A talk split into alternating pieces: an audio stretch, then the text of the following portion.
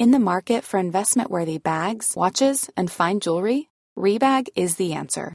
Rebag is a luxury resale platform where each piece is carefully inspected by experts to ensure quality and authenticity. Use Rebag to buy and sell finds from the world's top brands, including Louis Vuitton, Chanel, and Cartier. Head to Rebag.com to get 5% off your first purchase with code REBAGNEW. Shop today at Rebag.com. That's R E B A G.com. And use promo code REBAGNEW for 5% off your first purchase. Quality sleep is essential. That's why the Sleep Number Smart Bed is designed for your ever evolving sleep needs. Need a bed that's firmer or softer on either side? Helps you sleep at a comfortable temperature? Sleep Number Smart Beds let you individualize your comfort so you sleep better together. JD Power ranks Sleep Number number 1 in customer satisfaction with mattresses purchased in-store. And now, save 50% on the Sleep Number limited edition Smart Bed for a limited time. For JD Power 2023 award information, visit jdpower.com/awards. Only at a Sleep Number store or sleepnumber.com.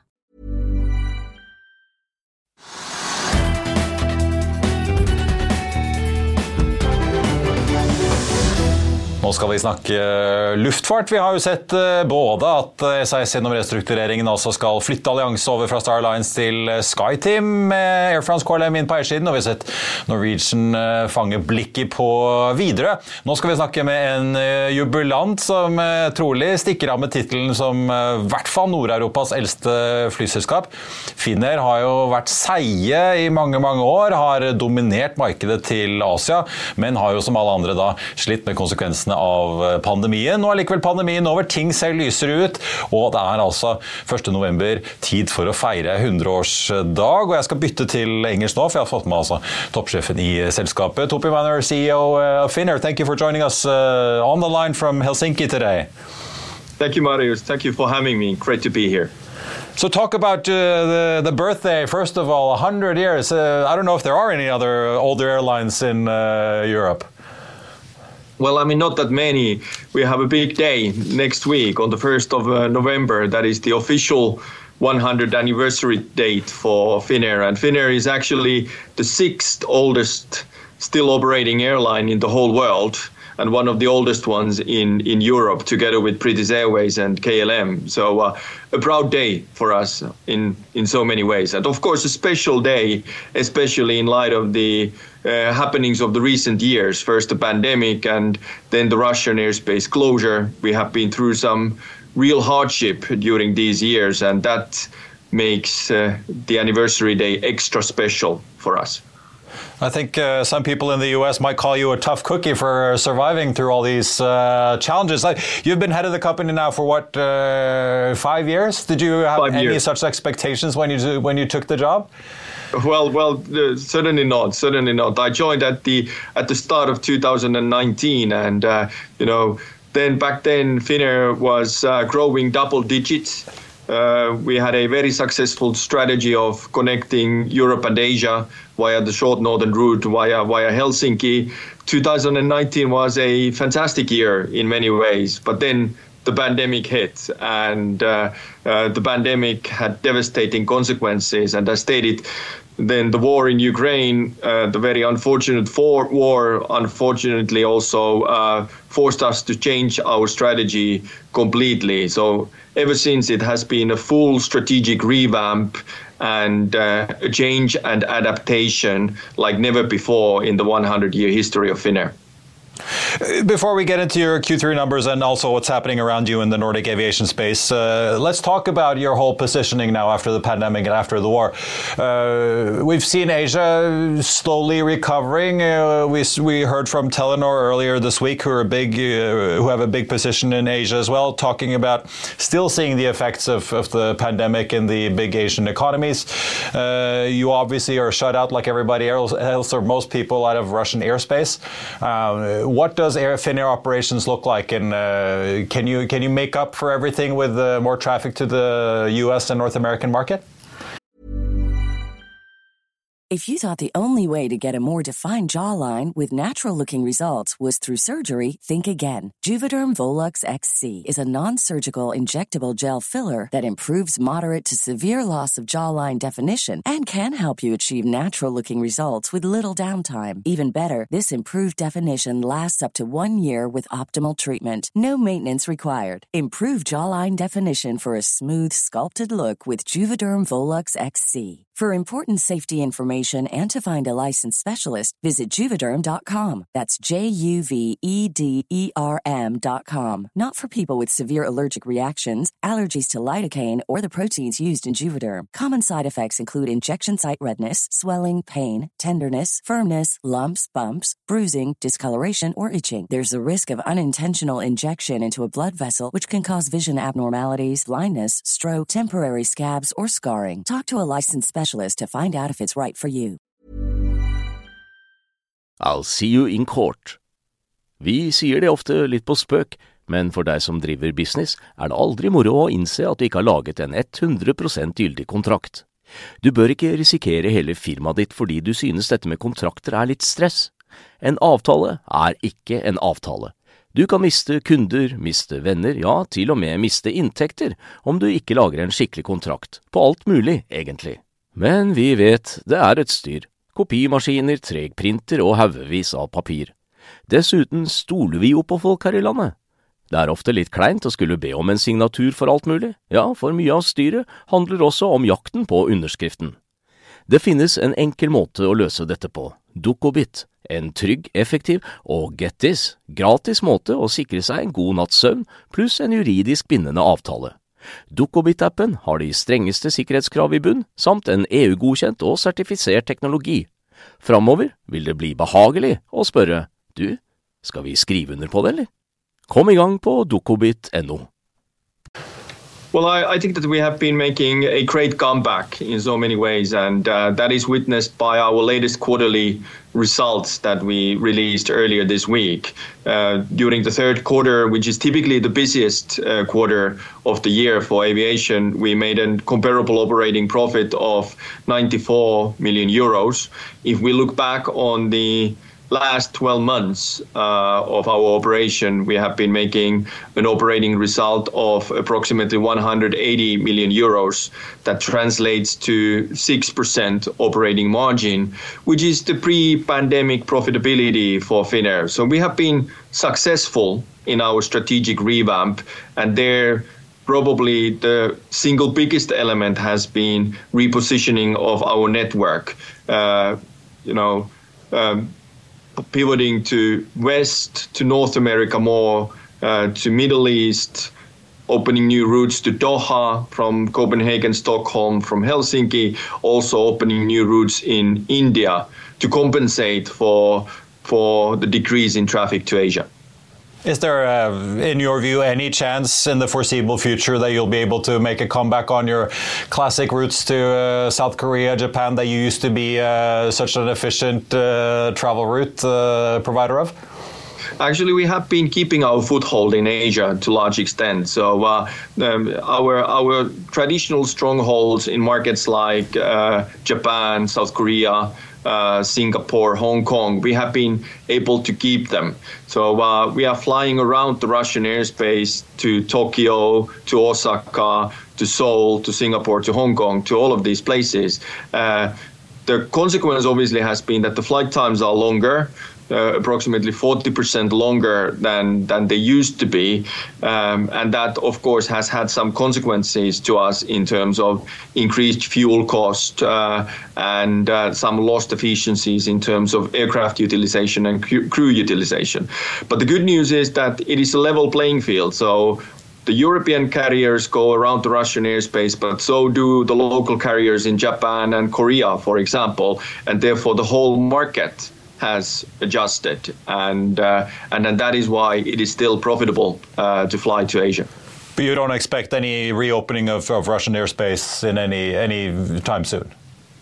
no, not anytime soon. So basically, our new strategy that we introduced uh, uh, in September 22 takes the starting point that Russian airspace will be uh, will be closed for a long, long time, and we adapt to that reality. And uh, that we have now successfully done, and uh, we look positively into the future. Uh, I noted you, uh, you stated earlier this fall that your operations are now more profitable than they were in 2019. You're guiding a revenue uh, roughly the same as back in 2019, uh, even with all the the uh, headwinds you have uh, with the closed Russian airspace um, and these Asian economies. But you're also planning now maybe to reinstate dividends in 2025. What gives you the the confidence that things are turning around so dramatically compared to what things looked like just last year? Well, uh, we are experiencing a good degree of demand for air travel um, as we speak. And when we look into our booking curve, um, I mean, it clearly is visible that the demand will also continue to be upbeat.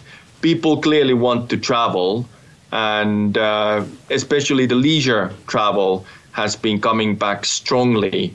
In terms of corporate travel, we are still, in terms of revenue, approximately at 90% of pre-pandemic levels. So there has been a portion of corporate travel uh, that has um, that has ceased to exist at least until until now. But uh, on the leisure segment, which is by far the biggest segment for us, we see increasing demand, and one of the trends being also that uh, premium leisure uh, is uh, clearly uh, picking up speed. So people want to invest a bit more money to uh, premium travel experiences. Uh, this strength and demand uh, coming especially fr from leisure seems almost remarkable because you and other executives in the airline industry talk about this, but it seems almost remarkable given the increasing interest rates and uh, what we're seeing in retail, uh, consumers pulling back on spending. Do you have any good explanation yeah. for why consumers are still willing to, to pay up for, for travel? Yeah, I think that we are generally in the in the overall economy in in many markets in Europe and across the world seeing consumers moving from consumption of goods to consumption of services. And clearly in the sort of prioritization hierarchy of consumers, various kinds of experiences, be that vacations abroad or be that concerts uh, or restaurants, uh, they con- consumers prioritize these experiences and they are willing to pay of these experiences. We are talking about Taylor Swift economy these days, and I I think that uh, that is that is basically a quite quite telling uh, headline of of uh, the change in consumer behavior that we are we are seeing, and certainly air travel is one of the beneficiaries of this. It's going to be very interesting to keep an eye on it going forward, and uh, hopefully people will still uh, want to visit Santa Claus in uh, Finland uh, in the coming years. But let's move on to your your uh, the sort of uh, industry outlook for the Nordics now. there's a lot of moving pieces going on, as I said in my intro.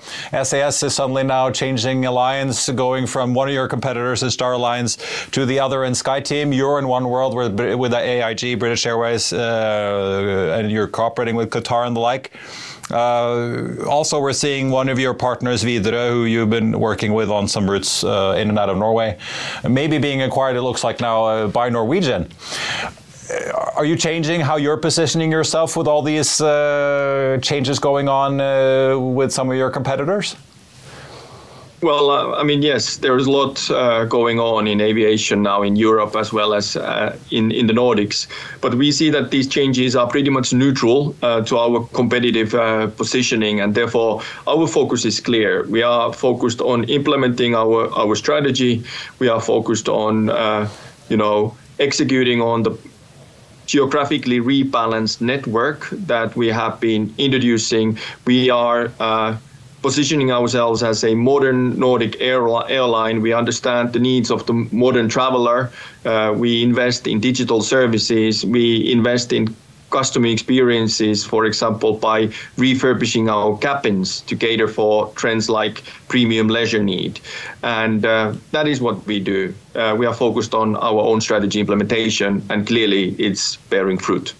Does your cooperation with Widerøe change if uh, they actually get acquired now by Norwegian? No, not necess- necessarily. We have a long-standing uh, relationship with uh, Widerøe, and uh, and then generally Norway is an important important market for us. We are flying to these five destinations in in Norway to Oslo, Bergen, Bodø, uh, Tromsø, and uh, Trondheim, and we are very happy about the uh, relationship that we have also with Norwegian airports. Are you expecting Lufthansa, or the Star Alliance, to get more aggressive now that SAS is leaving that alliance? Could we see Lufthansa, Singapore Airlines, or others making a push for, for Scandinavia or the Nordics? Well, that that remains to be seen. I, I think that uh, from our perspective and from One World Alliance perspective, it it doesn't really make that big of a difference whether SAS is part of a Star Alliance or whether they are part of a Sky Team. I mean, they are part of one alliance in in in any case. So, in my mind, I think that the true significance, more strategically, of the Air France KLM move uh, to become a minority shareholder in SAS is that. Uh, that move clearly uh, accelerates the consolidation trend in, in Europe. We have been seeing Lufthansa moving first by taking a minority shareholding in ITA in Italy. Uh, IAG, uh, the parent company of British Airways, is currently uh, in the midst of uh, finalizing their acquisition of Air Europa in Spain.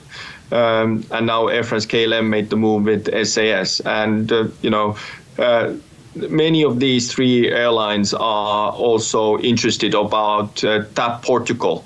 Uh, that the Portuguese government has now announced that uh, they will at least partially privatize uh, going going forward. So clearly, consolidation is the name of the game in European aviation as we speak.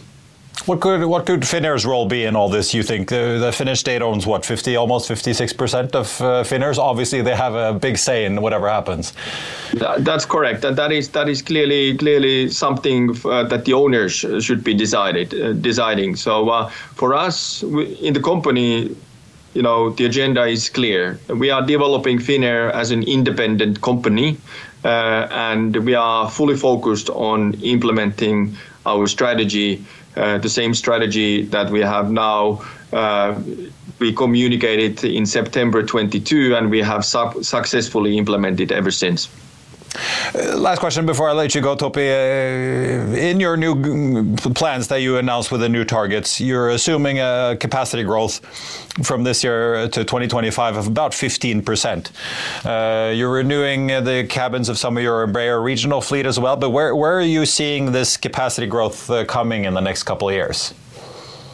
Well, uh, I think that uh, we are we are a network airline, meaning that we combine short haul and long haul. So so that means that we will be seeing a balanced growth uh, throughout our our network. We have still a uh, couple of uh, Airbus 350s coming up uh, to join our long haul fleet. Um, we have one of the most modern long haul fleets out there. Uh, also, very good connections from Norway via Helsinki to many of Asian destinations. Um, and then we will be feeding those long haul flights with our short haul traffic in, in Europe. So, uh, uh, in Europe, we also see potential to open a handful of destinations. And there, our agenda is especially about increasing the utilization of our aircraft and therefore increasing the number of flights that we are operating. And for that purpose, we are currently recruiting new staff, uh, both pilots as well as cabin crew. Topi Manor, CEO uh, for uh, Finnair, thank you so much. Good luck with your anniversary celebration on uh, November 1st. And I should also say good luck on your next endeavors as the CEO of uh, Finnish telecom company Elisa starting next year. Og takk også for at du så på. Mer innhold det finner du som alltid på f1-tv eller ved å søke opp Økonominyhetene der du hører på podkast. Mitt navn er Marius Lorentzen. Tusen takk for følget. Vi ses.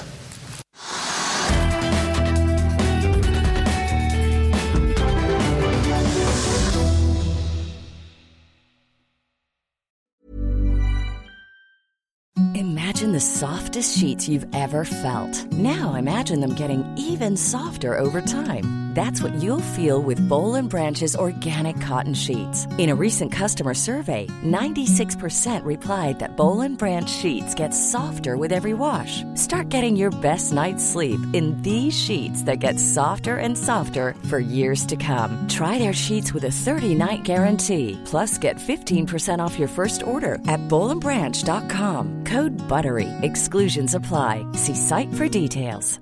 Hey, it's Paige DeSorbo from Giggly Squad. High quality fashion without the price tag. Say hello to Quince. I'm snagging high-end essentials like cozy cashmere sweaters, sleek leather jackets, fine jewelry, and so much more. With Quince being 50 to 80% less than similar brands. And they partner with factories that prioritize safe, ethical, and responsible manufacturing. I love that. Luxury quality within reach. Go to quince.com slash style to get free shipping and 365 day returns on your next order. Quince.com slash style. Økonominyhetene er en podkast fra Finansavisen. Programledere er Marius Lorentzen, Stein Ove Haugen og Benedikte Storm Bamvik. Produsenter er Lars Brenden Skram og Bashar Johar. Og ansvarlig redaktør er Trygve Hegnar.